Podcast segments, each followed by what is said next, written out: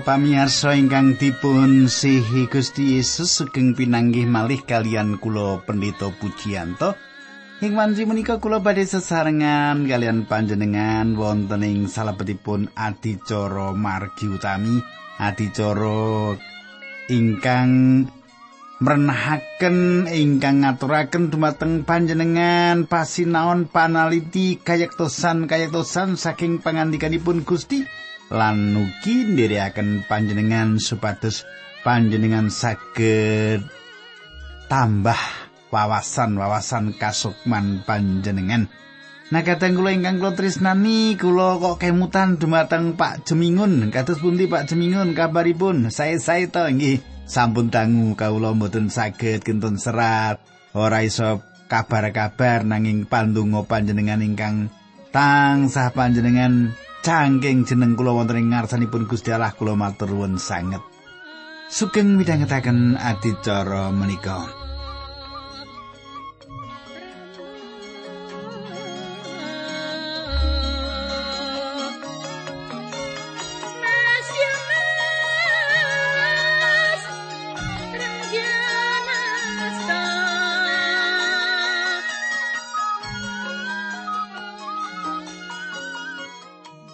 Para pamirsa menapa panjenengan tasih kemutan menapa ingkang kula aturaken untuk nalika pepanggihan kepengker kita sampun nyemak kados pundi Paulus ngimutaken bilih Gusti Allah nyawisaken kelepasan kangge kita.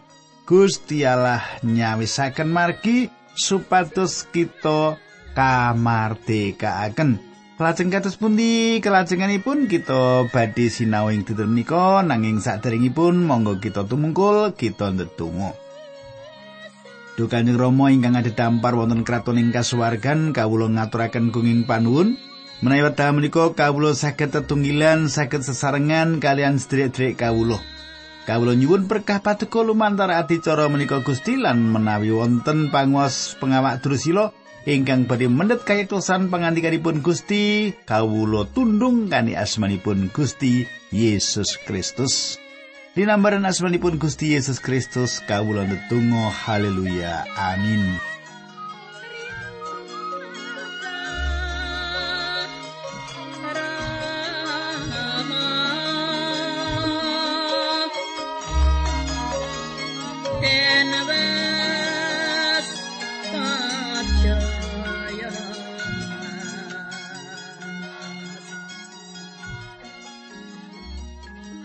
Para pamirsa, samenika pasinon kita sampun mlebet ing serat Rom 8. Pasal menika nuntun kita dhateng reringkesan bab panyucen.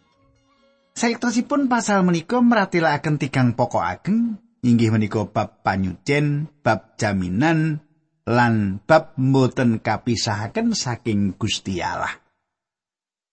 Ing mriki kapanggihaken panyucen ingkang kebak pangwaos, ingkang lelawanan kalian panyucen tanpa pangwaos. Ing salebetipun pasal menika kita badhe ngatosaken katetepan inggal Gusti Allah kegayutan kalian anggenipun kita kasucikaken. Anggenipun boten cekap sampun kula bayangaken ing serat kiriman sawetahipun menika mliginipun ing mriki. Serat menika satunggalipun serat kiriman ingkang agung lan ngidapi-dapi Kali makaten satunggal tunggalipun ingkang saged kita tindakaken inggih menika jumeneng kados dene Musa ing wekdal ningali grumbul ingkang kopong tanpa ngginakaken sandal lan kanthi sirah ingkang tinar buka lan boten sawetahipun ngrumaosi utawi mangertos kamulyan ingkang ngidapi-dapi ingkang dipun tingali menika. Kateng kula, kita mangertos bilih kabingahan lan katentreman badhe dipun paringaken dumateng putra Allah wonten ing salebetipun gesang menika. Panjenenganipun kedah gesang kunjuk Gusti Allah ing salebetipun kahanan dosa. Dosa mboten saged ndikte rancangan gesangipun. Sampun dipun tedahaken bilih mboten wonten ing salebetipun badan tiang dosa ingkang sampun dipun beneraken ingkang saged mangun kahanan kados ingkang kaidam-idamaken menika. Kita sampun sinau bilih sifat tinggal mboten gadah pangwaos lan sifat lami mboten gadah menapa ingkang sae. Menawi kados makaten pitulungan saking Yawi. Cupi panjenengan semak rum pitu ayat 24. Makaten surasipun wong ciloko temenan aku iki sapa sing arep ngluwari aku saka badanku sing marakake aku mati iki. Tadi tembung sana sinten ingkang maringi keseketan kula gesang kunjuk Gusti Allah.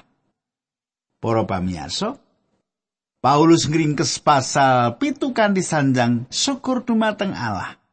Dening Gusti Yesus Kristus Gusti kita. Dadi kanthi akal budiku aku ngladosi angger-angger Allah nanging kanthi badan manungsaku aku nglayani angger-angger dosa. Pasal wolu badhe nyukani kita cara merantasi inggih menika cara jamin kamimpangan. Pasal menika ngenalaken kita pakaryanipun Sang Roh Suci ing salebeting anggenipun nyucikaken. Sang Roh Suci dipun sebataken kaping 19 sing salebetipun pasal menika. ngantos sing pasal menika namung wonten kalih tambahan sak keplasan. Jubi panjenengan semak Rom 5 ayat 5, Rom 7 ayat 6. Ing salebetipun serat kiriman menika kita ningali karya karya pakaryanipun Trinitas ingkang dipun berkahi. Allah Sang Rama ing salebetipun menapa ingkang sampun katitahaken Rom setunggal ayat tunggal ngantos 3 ayat kalih dosa Allah putra wonten ing salebetipun kawilujengan Rom 3 ayat selikur ngantos pitu ayat selangkung. Allah sang roh suci ing salebetipun panyucen Rom 8 ayat tunggal ngantos tigang dosa songo. Para pamiyarsa ing salebetipun pasal wolu menika kita sinau sang roh suci lan panyucen sejatos. Gesang ingkang dados keparengipun Gusti Allah kedah dipun tindakaken kanthi panguwas sang roh suci. kados ingkang Paulus ngendikaaken dumateng tiang-tiang pitados ing Efesus. Efesus kansal ayat 18. Ojo podo seneng mendem minuman keras, kuwi mung bakal ngrusak uripmu, aluwung podo penuh ing roh suci. Panyucen inggih menika pakaryanipun Sang Roh Suci ing salebetipun gesang tiang pitados ingkang dipun anyaraken ingkang nguwalaken tiang pitados saking pangwosipun dosa malah wonten ing kahanan dosa lan nedahaken sadaya karsanipun Gusti Allah wonten ing salebetipun gesang tiang pitados. Samenika kita waos saya setunggal bab 8. Saiki wis ora ana pahukuman meneh tumrape wong sing ana ing patunggilani Sang Kristus. Nggih, ayat setunggal menika. Para pamirsa, kang ora urip ing sajroning daging nanging urip ing sajroning roh. Sejatosipun boten isi ayat menika. ketingalipun sawetawis ahli Torat menit ayat sekawan. Menawi dipun jarwaaken secara harfiahipun, awit saka iku saiki ora ana hukuman apa-apa. Inggih menika pratela ingkang dipun kailhaman. Inggih menika pratela ingkang kailhaman. Kajawi kegagalanipun Paulus sing salebetipun pasal pitu, piyambakipun boten kecalan kawilujenganipun. Mboten wonten paukuman kangge tiang-tiang ingkang manunggal kalian Sang Kristus Yesus. Nanging piyambakipun mboten ngrasakaken gesang Kristen. Piyambakipun gagal lan piyambakipun dados tiang ingkang cilaka. Paulus nggih Gusti Allah ngersakaken Paulus gadah kabingan wonten ing gesangipun. Samenika kados pundi cara anampeni kabingan menika? Panjenengan gatosaken ayat salajengipun. Ayat kalih nggih bab 8. Sebab angger-anggere Sang Roh Suci sing nunggilake urip kita karo Gusti Kristus Yesus wis ngluwari kita saka angger-anggering dosa lan pati. Para pamirsa, ayat menika satunggalipun pratelo ingkang saestu penting. Tembung sebab kasrat ngantos kaping pitulah sing pasal menika. Kita perlu nurut ingkang dados pikiranipun Rasul Paulus menika. Salah satunggal juru tafsir ingkang ngidapi-dapi saking Rom sanjang menawi panjenengan boten mangertos cara mikiripun Paulus, panjenengan boten saged mangertos Paulus kanthi leres. Roh sanes namung watunan angger-angger, nanging ugi kawenangan ingkang dipun ginakaken dening Sang Roh. Roh ingkang maringi kesang, ateges Sang Roh Suci ingkang maringi gesang awit panjenenganipun sejatosipun inggih menika gesang. Panjenenganipun kemawon ingkang dados roh agesang, sajroning Sang Kristus ateges Sang Roh Suci wonten ing salebetipun kamanunggalan sempurna kalian Gusti Yesus Kristus. Hawit saking menika tiang pitados gesang kados dene Sang Kristus pramila panjenenganipun merdekaken tiang-tiang pitados. Angger-angger dosa lan angger-angger pati inggih menika panguwas ingkang dipun cepeng dosa atas sifat lami kita ingkang kapungkasi ing salebetipun pemutusan sempurna dening patunggilan kalian Gusti Allah. Sifat inggal babar pindah mboten saged ngwalaken saking belenggu. Namung tumuginipun pangmas lan kegiatan ingkang langkung inggil ingkang saged ngerampungaken belenggu menika. Inggih menika Sang Roh Suci. Roh Suci makarya ing salebetipun sifat inggal ingkang leres-leres manunggal kalian gesang Sang Kristus. Kula lajengaken ayat 3 ngantos sekawan. Apa sing ora ditindakake dening angger-angger mergo sakaing daging kita? Kuwi saiki ditindakake dening Gusti Allah piyambak. Panjenengane wis ngukum dosa sing ana badane manungsa srana ngutus putrane piyambak sing rawuh ngagem sipating manungsa dosa kanggo nyirnakake dosa. Gusti Allah anggone nindakake sing mengkono mau supaya angger-anggering turat bisa kita tetepi ana ing badan kita sing uripe manut pangrehe Sang Roh lan ora manut pangrehing daging. Para pamirsa ing mriki kita mau sedaya perkawis ingkang penting piyambak. Kula badhe ngaturaken ingkang kula jarwaaken saged ugi saged nyukani sawetawis perkawis ingkang perlu kita mangertos. Kanggo prakara kang ora bisa kanggone angger-angger Torat kang ora duwe panguwasa ing sadroning daging, Gusti Allah kang ngutus putranipun ing sadroning kamemperane karo daging kang dosa lan ing sadroning kegayutan karo dosa ngipati-pati dosa ing sadroning daging supaya bebener hasil kang bener saka angger-angger turat bisa diganepi ing sadroning kita kang ora nuruti daging nanging nuruti sang roh. Tangih kanginipun angger-angger torat ngasilaken bebener ing manungsa. Menika mboten kalepatan paugeran torat. Kalepatan wonten ing manungsa lan dosa wonten ing salebeting dagingipun. Angger-angger torat saestu-estu mboten saged ngasilaken menapa ingkang sae ing salebeting manungsa. Paulus saged ngandika, cobi panjenengan waos Rom 7 ayat 18. Aku ngakoni yen aku iki manungsa, ora ketunungan apa-apa sing becik. Senajan aku kepingin nindakake sing becik, nanging aku ora bisa nglakoni. Lan kadang kula inggih menika kitab suci lan menika saestu saged dipun pitados. Manungsa babar pindah risak aklakipun gitu. Menika mboten ateges namung sawetawis tiyang ingkang kesanging salebetipun dosa ingkang ketinggal, nanging ugi panjenengan lan kula. Sang Roh Suci samenika saged tindakaken perkawis ingkang tangeh. Sang Roh Suci saged maringi kesang suci ing salebetipun daging ingkang ringkih lan kebak dosa. Kadang kula ing satunggalipun dinten wonten satunggalipun ibu ingkang nglebetaken daging wonten ing salebetipun oven. Salajengipun daging menika dipun tilar lan ibu menika nindakaken pendamelan ingkang sanes. Satunggal jam salajengipun ibu menika mambet daging gosong. Ibu menika inggal-inggal dateng pawon lan mbika oven menika lajeng mendhet garbu dipun encepaken wonten ing daging menika lajeng daging menika dipun angkat. Nanging ibu menika mboten saged ngangkat daging menika. Kelet dicobi malih nanging mboten saged lajeng ibu menika mendhet jepit daging kang ageng lajeng daging menika dipun susruk lan saged dipun angkat kanthi dipun jepit. Daging menika mboten dipun angkat ngangge garbu awet garbu menika mboten kiat nembe ngginakaken jepit daging kang ageng. Daging menika saged dipun angkat. Mboten wonten ingkang lepat kekayutan kalian garbu menika.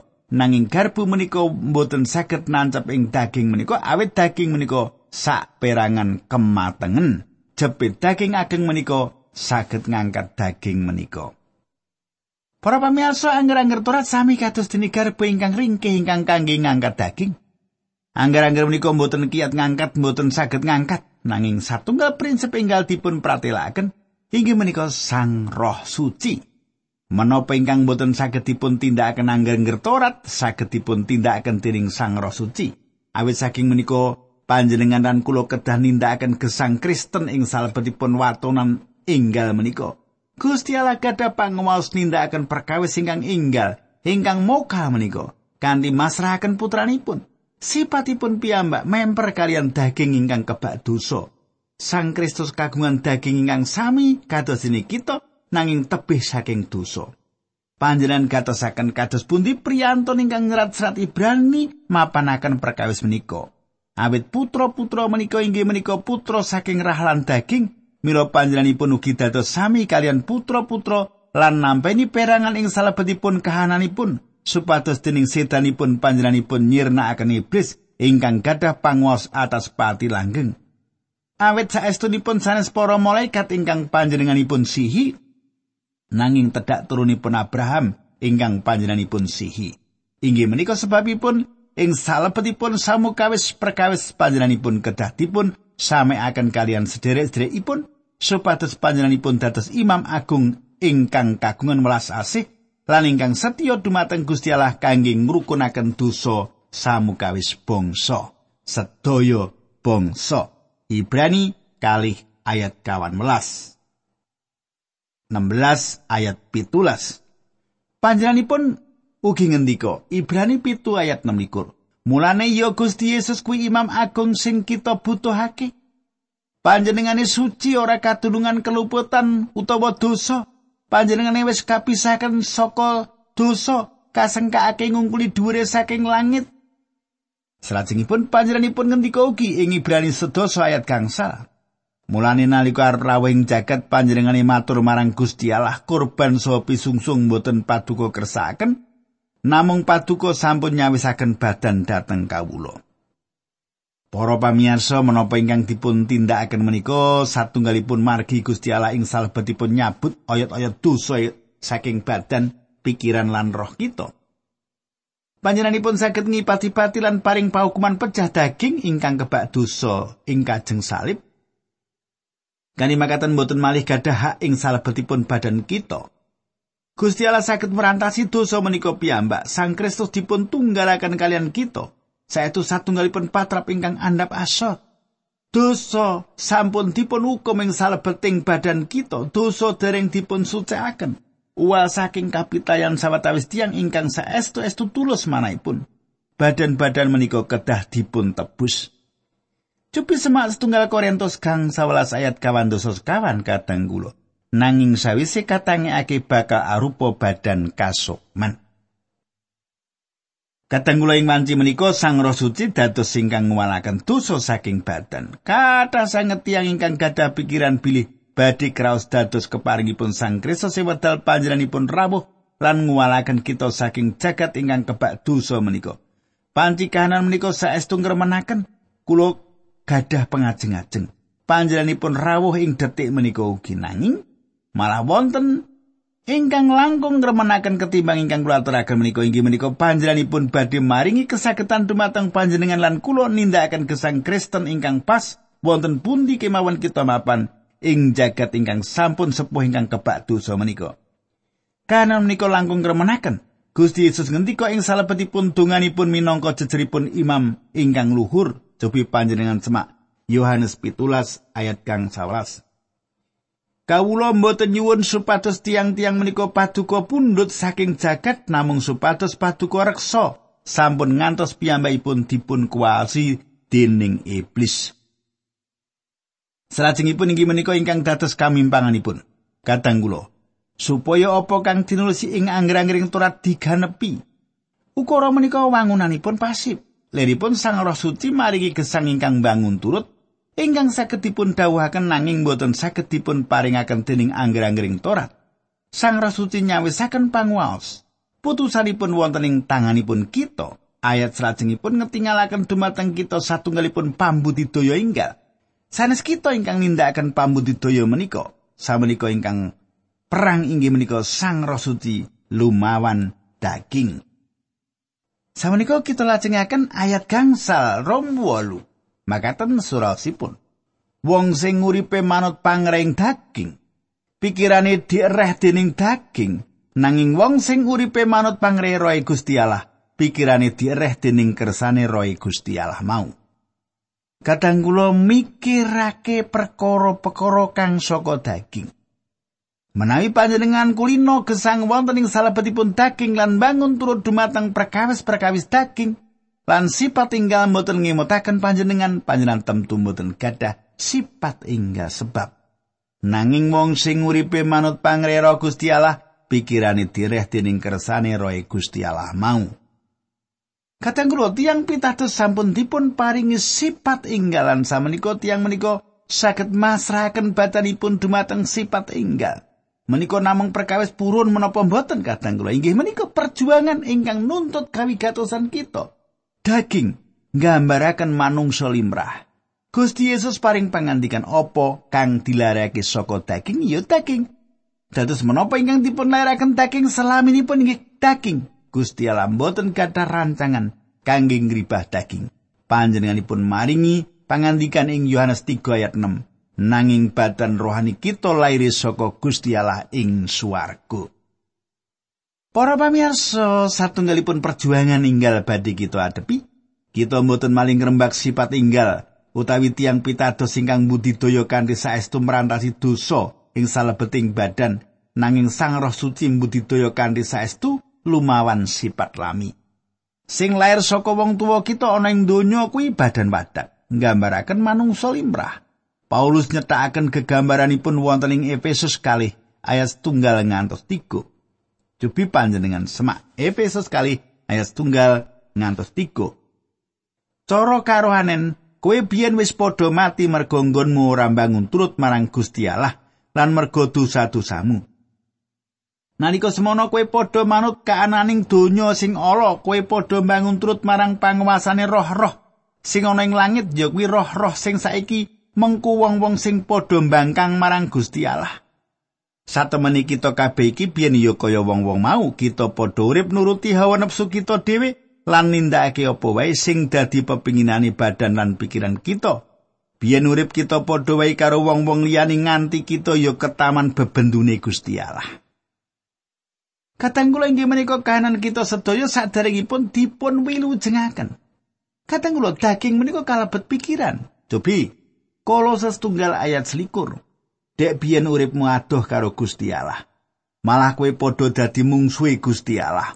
Mergo saka penggawe utawa tumindakmu, apa dene pikiranmu sing ala. Kadang kula Ingkang dipun pratelakaken menika kapribaden kita sawetahipun ingkang babar pindah tebih saking Gusti Allah. Manungsa budidaya kanthi saestu malah masrahaken manahipun ing perkawis-perkawis kedagingan. Inggih menika ingkang dados tetedanipun ing Galatia gangsa. Cobi panjenengan semak Galatia gangsa ayat 19 ngantos selikur. Penggawe sing jalaran saka karping daging wicetha yaiku lagu Cina, kotor murang toto, nyembah braholo, ilmu sihir, memungsuan seneng padu meri brangasan gumunggung, seneng gawe cerah lan tukar padu. Podho sengit sinengitan ndem-ndeman jibar-jibur lan sapanunggalani tumrap wik mau kabeh kowe ndak elingake kaya nggon kuwis tau ngilingake kowe biyen wong-wong sing uripe kaya mengkono ora bakal ditampa ana ing kratoning Allah. Kadang kula inggih menika pikiran kotor ing Kolose 3 ayat 8 ngantos 9 Paulus ngendika Nanging saiki kuwi kabeh mau padha buangen, yaiku seneng nepsu, ngangah-angah lan rasa sengit. Aja nganti kawetu pitenah utawa tembung sing saru. Aja padha goroh ginuruan, sebab kowe wis padha ngrucat kamanungsamu sing lawas sak pratinggae. Gusti Yesus paring pangandikan Matius 15 ayat 19. Abet yo saka ngati kuwi asale pikiran-pikiran sing ala, sing marakake wong mamateni laku jino cabul ngerampok ngapusi lan mitenah para pamiyasa pancing ngisin-isinaken nanging leres bilih putra Allah tetep wonten ing salebetipun sifat lami Adam Niripun inggih menika kawon lan pejah kangge kesang ing salebeting kedagingan. Mboten wonten putra Allah ingkang rumaos bejo kanthi gesang kangge perkawis-perkawis kedagingan. Lare ingkang ica saged mlebeting kandang babi nanging piyambakipun boten nate tuwa menawi tetep wonten ing mriku. Lare ingkang ical menika kanthi makantar-kantar sanjang aku arep bali lan mulih menyang bapakku. Lan apa kang dilarake saka roh, liripun dipun lairaken enggal, dipun inggalaken lan dipun tunggali dening Sang Roh Suci. Tiang-tiang menika remen perkawis-perkawis kekayutan kalian Sang Kristus. Cepi panjenengan semak kolose 3 ayat setunggalan kalih. Sarene kowe wis padha katangekake bareng karo Sang Kristus, mulane padha ngupaya samubarang kang ana ing swarga ing panggonane Sang Kristus pinarak ing dampar sisih tengene Gusti Allah. Padha mikira sabarang kang ana ing kono aja sing ana ing donya kene. Lan Paulus ngendika Kolose 3 ayat 12, kowe kuwi padha mati Gusti Allah. Panjenengane ngasi kowe lan milih kowe dadi kagungane. Mulane padha duwe watek welasan, sumana andap asor lembah manah lan sabar. Menika namung sawetawis perkawis ingkang dados kangenanipun putra Allah. Menika namung saged dipun tindakaken menawi kita ngejaraken Sang Roh Allah makaryo ing salebetipun kesang kita. Lan perkais-perkais menika badi ketinggal. Nah kateng kula, kados pundi kesang panjenengan? Menapa panjenengan nuruti daging apa nuruti Sang Roh Allah? Wah, nek teng gereja ya nuruti roh, Pak. Nek teng griya ya. Ampun nggih. Nuruti Sang Roh Suci, saya teng gereja lan nonton griya. Monggo kita tumungkul, kita lajengaken ing dinten candhaipun. Kanjeng Rama ing swarga kawula matur sanget ing wekdal menika kawula saged ngaturaken kayektosan-kayektosan saking pangandikan paduka. Dinambaran asmanipun Gusti Yesus Kristus kawula netunggal lan matur nuwun. Amin.